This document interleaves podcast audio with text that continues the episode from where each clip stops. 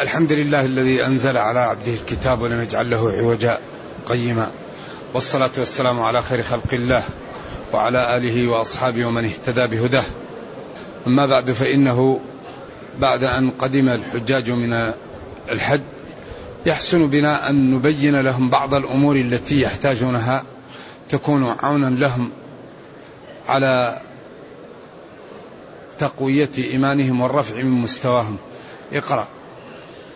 أعوذ بالله من الشيطان الرجيم. بسم الله الرحمن الرحيم. الحمد لله رب العالمين. الرحمن الرحيم. مالك يوم الدين. إياك نعبد وإياك نستعين. اهدنا الصراط المستقيم. صراط الذين أنعمت عليهم. غير المغضوب عليهم ولا الضالين.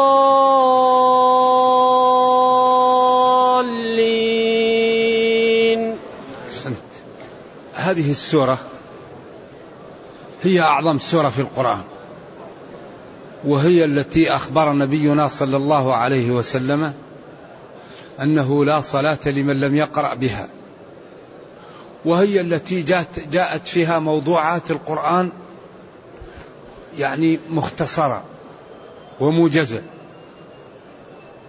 لذلك حري بنا أن نفهمها لأن القرآن موضوعاته السبعة جاءت في الفاتحة. وهذه السورة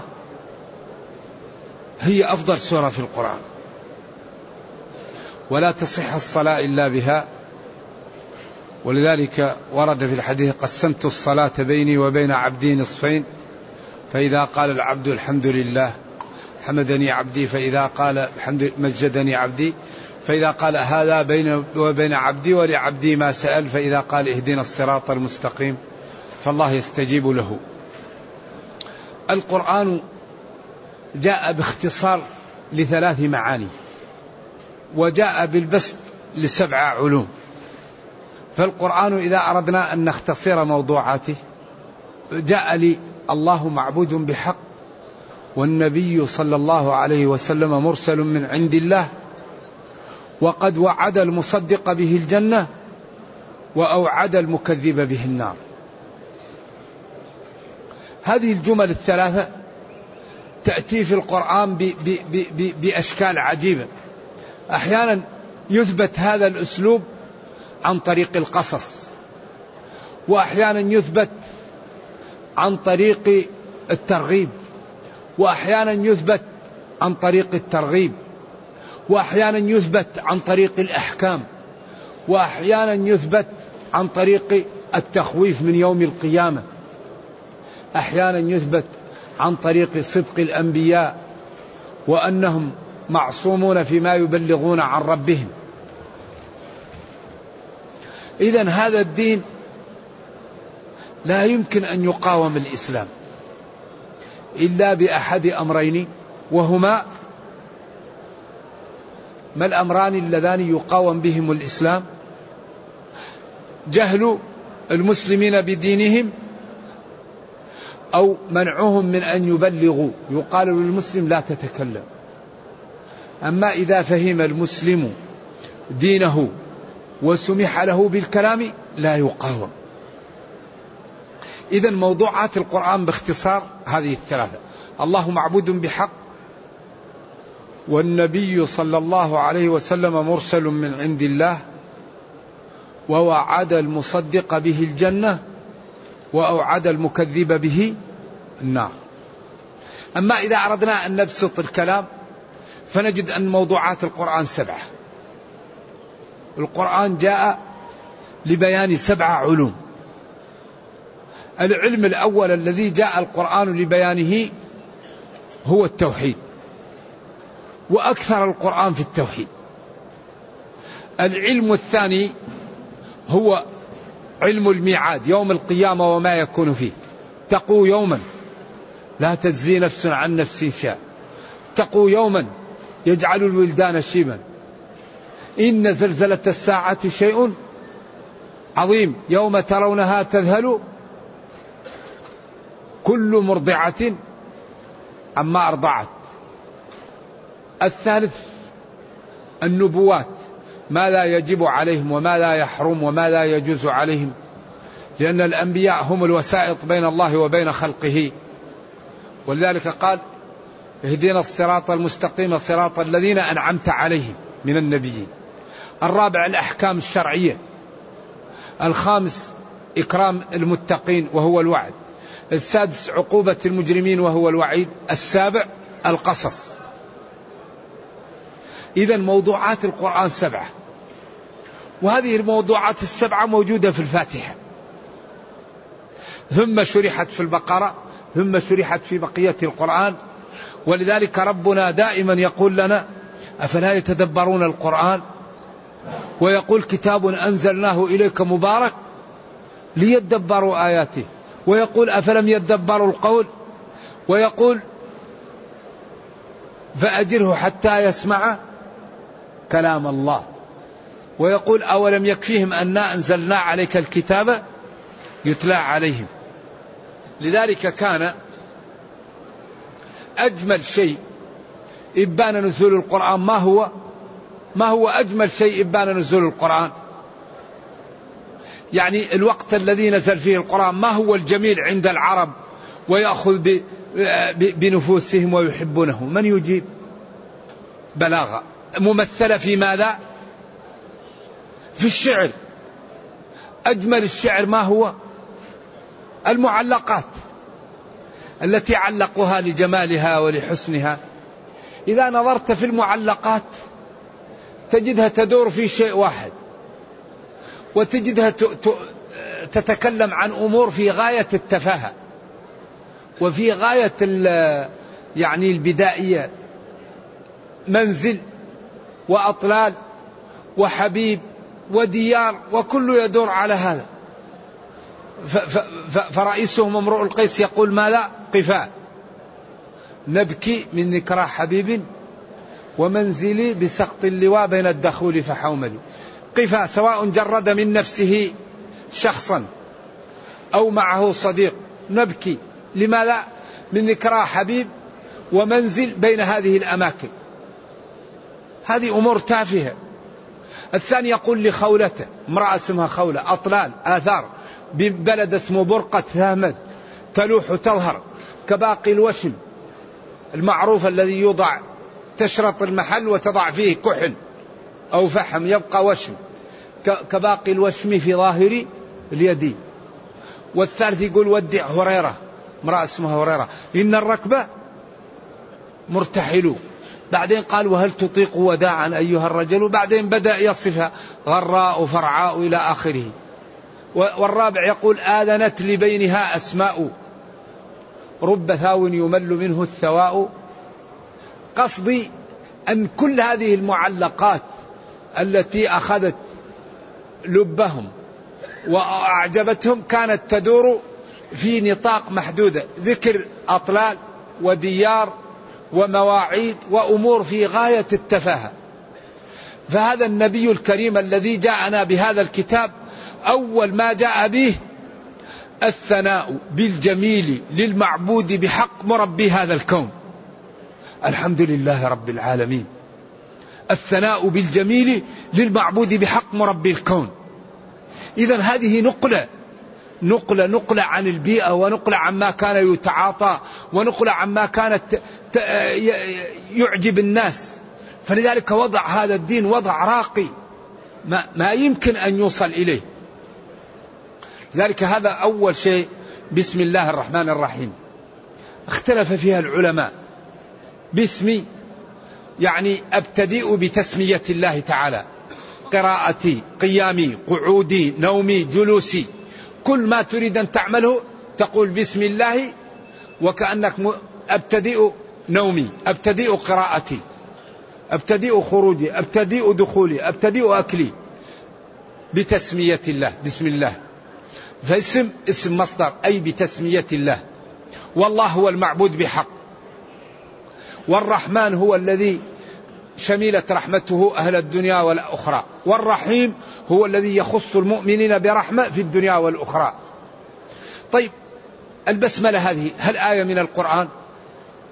أو آية من الفاتحة؟ أو آية مستقلة؟ أو ليست آية من القرآن؟ أقوال القراء ما قالوا هي آية أو ليست بآية. قالوا بسملة بين السورتين بين صف دم ثق رجاء. هذا بسملوا في وقال في هناك وبس وبسمل بين السورتين بسنة بسنة رجال نموها درية أربعة. وهناك اللي هو أظن معها يعقوب. أيوة. من غير السبعة. فخلاف الفقهاء في البسملة هو راجع إلى القراء. فالذي يقرأ بقراءة ابن كثير كالشافعي يرى أن البسملة آية من القرآن ولذلك يجهر بالبسملة. يقول بسم الله الرحمن الرحيم الحمد لله. والذي يقرأ بغير قراءة من القراء يسر بالفاتحة بالبسملة ولا يرى أنها من القرآن. إذا الخلاف بين الفقهاء في البسملة هو راجع إلى القراء. أيوة هذا خلاف بين القراء. وأحسن ما قيل هو ما ذكره الحافظ بن حجر ونقله منه ابن حلول ونظمه صاحب مراقي السعود لأنه قال وليس للقرآن تعزى البسملة وكونها منه الخلاف نقله أي المخالف. وبعضهم من القراءات نظر وذاك للوفاق حكم معتبر أي للوفاق بين الأقوال. فالذي يجهر بالبسملة. يرى أنها آية من القرآن والذي يسر بها أو لا يبسمل كمالك يرى أنها ليست من القرآن كالواو من وسارعوا في قراءة حفص هي حرف بعشر حسنات وفي قراءة نافع سارعوا إلى مغفرة. ويكون هذا حل وسط. فمن جهر بالبسملة جعلها من القرآن ومن أسر بها لم يجعلها من القرآن. وهذه قراءات والكل صحيح. فمن جهر بها لا غبار عليه ومن أسر بها لا غبار عليه والكل صحيح. نعم. ولذلك أنزل القرآن على سبعة أحرف أي على سبع جهات. إذا أبتدئ قراءتي بتسمية المعبود بحق. الله هو المعبود بحق. وهل هو مشتق من التحير أو من العبادة أو من الولهان أو من الاحتجاب أقوال للعلماء في اشتقاق الله وهو علم على الذات المعبودة بحق. الرحمن زيادة الألف والنون تدل على الامتلاء. الرحمن يعني كثير الرحمة. الرحيم خاص بالمؤمنين. الحمد هو الثناء بالجميل. الحمد الله المعبود بحق. الثناء بالجميل للمعبود بحق. وهل الحمد والشكر يتواردان؟ هذا اختيار بن جرير. يقول الحمد لله شكرا له. يجعل شكرا ما نابع عن المطلق من الحمد. وقيل بينهما عموم وخصوص من وجه. الحمد أعم متعلقا لأنه يكون على على الإنعام وعلى غيره. والشكر أخص موردا لأنه لا يكون إلا على النعم. تقول شكرت فلانا على نعمه التي فعل لي وتقول حمدت فلانا على ذكائه. فالحمد يكون على الصفات الجميلة والشكر يكون على الإنعام. والحمد يكون باللسان والشكر يكون بالقلب واللسان والجوارح. إذا بينهما عموم وخصوص من وجه. هذا من جهة عم وهذا من جهة أعم وهذا من جهة أخص وهذا من جهة أخص. إذا الحمد هو الثناء بالجميل للمعبود بحق مربي هذا الكون. الرب هو السيد والمالك والمدبر. أيوة المعبود بحق. الحمد لله أي الحمد الثناء بالجميل للمعبود بحق. رب العالمين مربي هذا الكون. العالم كل ما سوى الله. قال فرعون وما رب العالمين قال رب السماوات والأرض وما بينهما. وقيل الإنس وقيل الإنس والجن. والصحيح أن العالمون كل ما سوى الله. ما رب العالمين؟ رب السماوات والأرض وما بينهما. الرحمن الرحيم تقدم. ملك يوم الدين ومالك يوم الدين. قراءتان سبعيتان. كل من القراءتين يجعل الكلمة كالكلمتين. لأن المالك من له التصرف الخاص والملك من له التصرف العام. فالله تعالى له التصرف العام وله التصرف الخاص. وبالقراءتين تكون الكلمة الواحدة كالكلمتين. والذي يقول من القراء ومن العلماء هذا أبلغ وهذا أبلغ هذا قصور في التعبير. الذي يقول مالك أبلغ أو ملك أبلغ هذا قصور. لأن مالك أبلغ وملك أبلغ والكلام يكون بليغ لمطابقته لمقتضيات الأحوال. فالكلمة تكون بليغة في المكان التي تكون فيه وفي السياق التي جاءت فيه. والله تعالى يقول أنتم أعلم أم الله؟ وما تسقط من ورقة إلا يعلمها. فكيف يقال هذا أبلغ من هذا؟ إذا هذا قصور في التعبير ممن يقول ذلك. وإنما هذا بليغ وهذا بليغ وكل منهم بليغ ونحن ينبغي أن نعرف قدرنا. فلذلك قول هذه الطريقة أبلغ وهذا أبلغ هذا قصور حسب ما أرى لأن الله تعالى يعلم ما لو يكون لو كان كيف يكون. قال لو خرجوا فيكم ما زادوكم إلا خبالا. إنما أمرنا لشيء إذا أردناه أن نقول له كن فيكون. وما أمرنا إلا واحدة كلمح بالبصر ما خلقكم ولا بعثكم إلا كنفس واحدة. لذلك كثير من الخلق يجهل عظمة الرب جل وعلا فيقيسه بالمخلوقين. ولذلك الله لما أراد أن يثبت صفاته قال قبلها ليس كمثله شيء. ليس كمثله شيء إيش؟ وهو السميع البصير. فاثبت لي سمعي وبصري على أساس ليس كمثله شيء. وقال ثم استوى على العرش الرحمن إيش؟ هذا تهديد مبطن فاسأل به خبيرا. لا تقول استولى.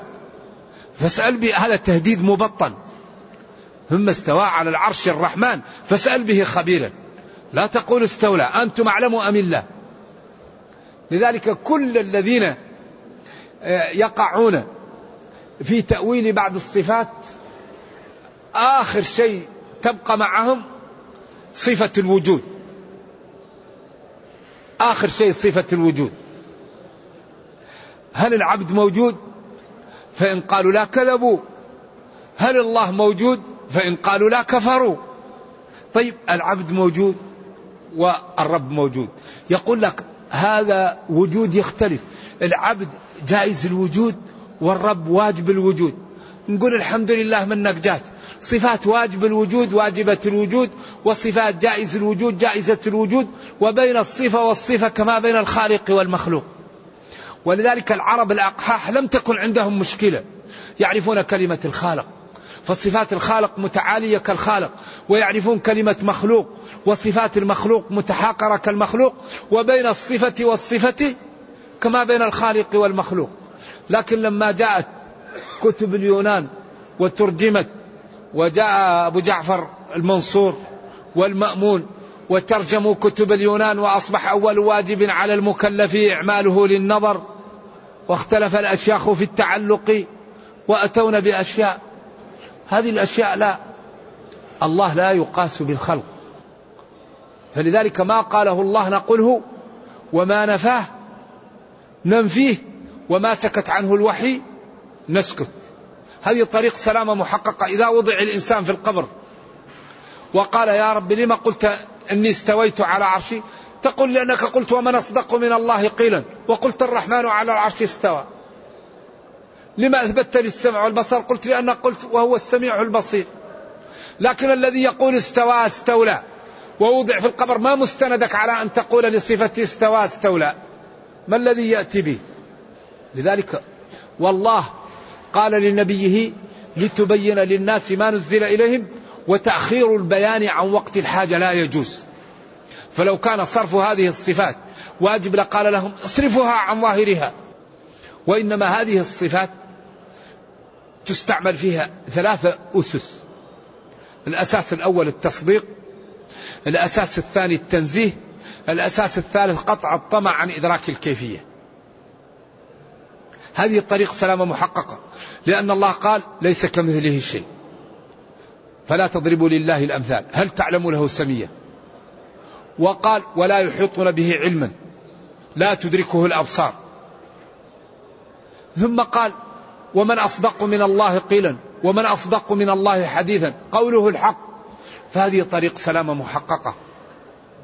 أما الذين يؤولون صفات الله تعالى ويقولون والنص إن أوهم غير اللائق بالله كالتشبيه بالخلائق فاصرفه عن ظاهره إجماعا. هذا إجماع من؟ النص كيف يوهم غير اللائق بالله؟ الله يقول أنتم أعلم أم الله؟ والله قال إن ربكم ليس أعور بل يداه مبسوطتان ينفق. وقالت اليهود يد الله مغلولة غلت أيديهم ولعنوا بما قالوا بل يداه مبسوطتان ينفق. وقال لا تزال النار تقول هل من مزيد حتى يضع الرب فيها قدمه فينزوي بعضها على بعض وتقول قطي قطي. هم يقولون نحن لا نعرف يد الله كيد المخلوق. وإذا أثبتنا اليد شبهنا الله بخلقه إذا نقول القدرة. طيب القدرة بعدين ما نعرف قدرة إلا قدرة المخلوق. إذا هذا كل شيء يأتي إلى أن نصل إلى الوجود. لو نفينا بعض الصفات آخر صفة تبقى معنا الوجود. ولذلك خذ كلمة رأس الآن. أضفها إلى الوادي وإلى الجبل وإلى الجمل وإلى الإنسان. فتتمايز هذه المخلوقات بصفاتها. رأس المال رأس الوادي رأس الجبل رأس ال...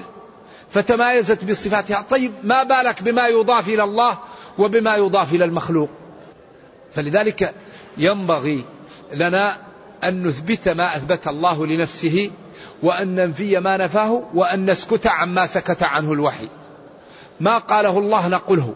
وما نفاه ننفيه وما, نسك وما سكت عنه نسكت. وهذه طريق سلامة محققة. إذا هذه الحمد لله رب العالمين الرحمن الرحيم. هذه الجمل الثلاثة فيها أقسام التوحيد الثلاثة. توحيد الربوبية أن تعلم أن كل ما في الكون من الله. أن تعلم أن كل ما في الكون هو من الله. كل مخلوق من الله. كل مطر من الله. كل نعمة جاءت من الله. فما بكم من نعمة فمن الله. قل كل من عند الله فما لهؤلاء القوم لا يكادون يفقهون حديثا. إذا هذا توحيد الربوبية أن تعلم أن كل ما في الكون صادر من الله. فلا يعطى للإنسان نعمة بصر ولا ولد ولا مال ولا قوة ولا عقل ولا جاه ولا يأتي مطر ولا يأتي رزق إلا من الله. إذا هذا توحيد الربوبية. توحيد العبادة أن تشكر الله على ربوبيته فجميع أعمالك تكون خالصة لله. والأعمال منقسمة ثلاثة أقسام. عمل بدني وعمل مالي وعمل قلبي. وعمل مشترك بين البدن والمال. فالعمل القلبي مثل الخوف والرجاء والمحبة. والعمل البدني مثل الصلاة والصوم. ومثل المالي مثل الزكاة وما والعمل البدني المالي مثل الحج. فتوحيد الألوهية أن تخلص في جميع أنواع عباداتك لله. فلا تدعو إلا الله ولا تخاف إلا من الله ولا تسأل إلا الله ولا تصلي إلا لله ولا تصوم إلا لله. وتعلم أن ما أصابك من الله وما لم يصبك من الله هذا هو توحيد العبادة. وهو توحيد الألوهية. وهو الذي إذا حققه العبد بإذن الله تعالى دخل الجنة. إذا هذه الأقسام التوحيد الثلاثة في قوله تعالى الحمد لله توحيد الألوهية رب العالمين توحيد الربوبية الرحمن الرحيم توحيد الأسماء والصفات. اليوم أصله من طلوع الفجر إلى غروب الشمس. وقد يطلق على الزمن. يقال يوم كذا يوم صفين يوم بعاث يوم القيامة. الوقت يقال له يوم. والدين أصله الجزاء كما تدين تدان وأصل العادة والطريقة والاعتقاد. كل هذا يسمى الدين أي مالك يوم الجزاء. وهذا إشارة إلى يوم القيامة يوم الدين. وهذا يوم الدين هو الذي يخوف الرب به الخلق. يقول اتقوا يوما لا تجزي نفس عن نفس شيئا ولا يقبل منها عدل ولا تنفعها شفاعة. يوم القيامة ما فيه إلا حسنات. يا أيها الناس اتقوا ربكم. إن زلزلة الساعة شيء عظيم يوم ترونها تذهل كل مرضعة. هذه التاء ما نوعها؟ التاء في مرضعة. ما نوع التاء في مرضعة؟ لا. ما هي تاء التأنيث لأن المرأة الرجل لا يرضع. تاء التأنيث تأتي في, في الصفات المشتركة طويل وطويلة عالم وعالمة. لكن الرجل لا يرضع. إذا هذه التاء ما هي للتأنيث؟ لأن الصفات التي لا يشترك فيها الرجل مع المرأة لا تحتاج إلى التاء زي الحامل والحائل والحائض والمرضع والقاعد. ما جاءت فيها التاء لأن الرجل لا يكون حائضا ولا يكون حاملا. ولا يكون قاعدا. القواعد جمع قاعد وهي المرأة التي لم تشتهي الرجال ولم يأتها ما يأتي للنساء.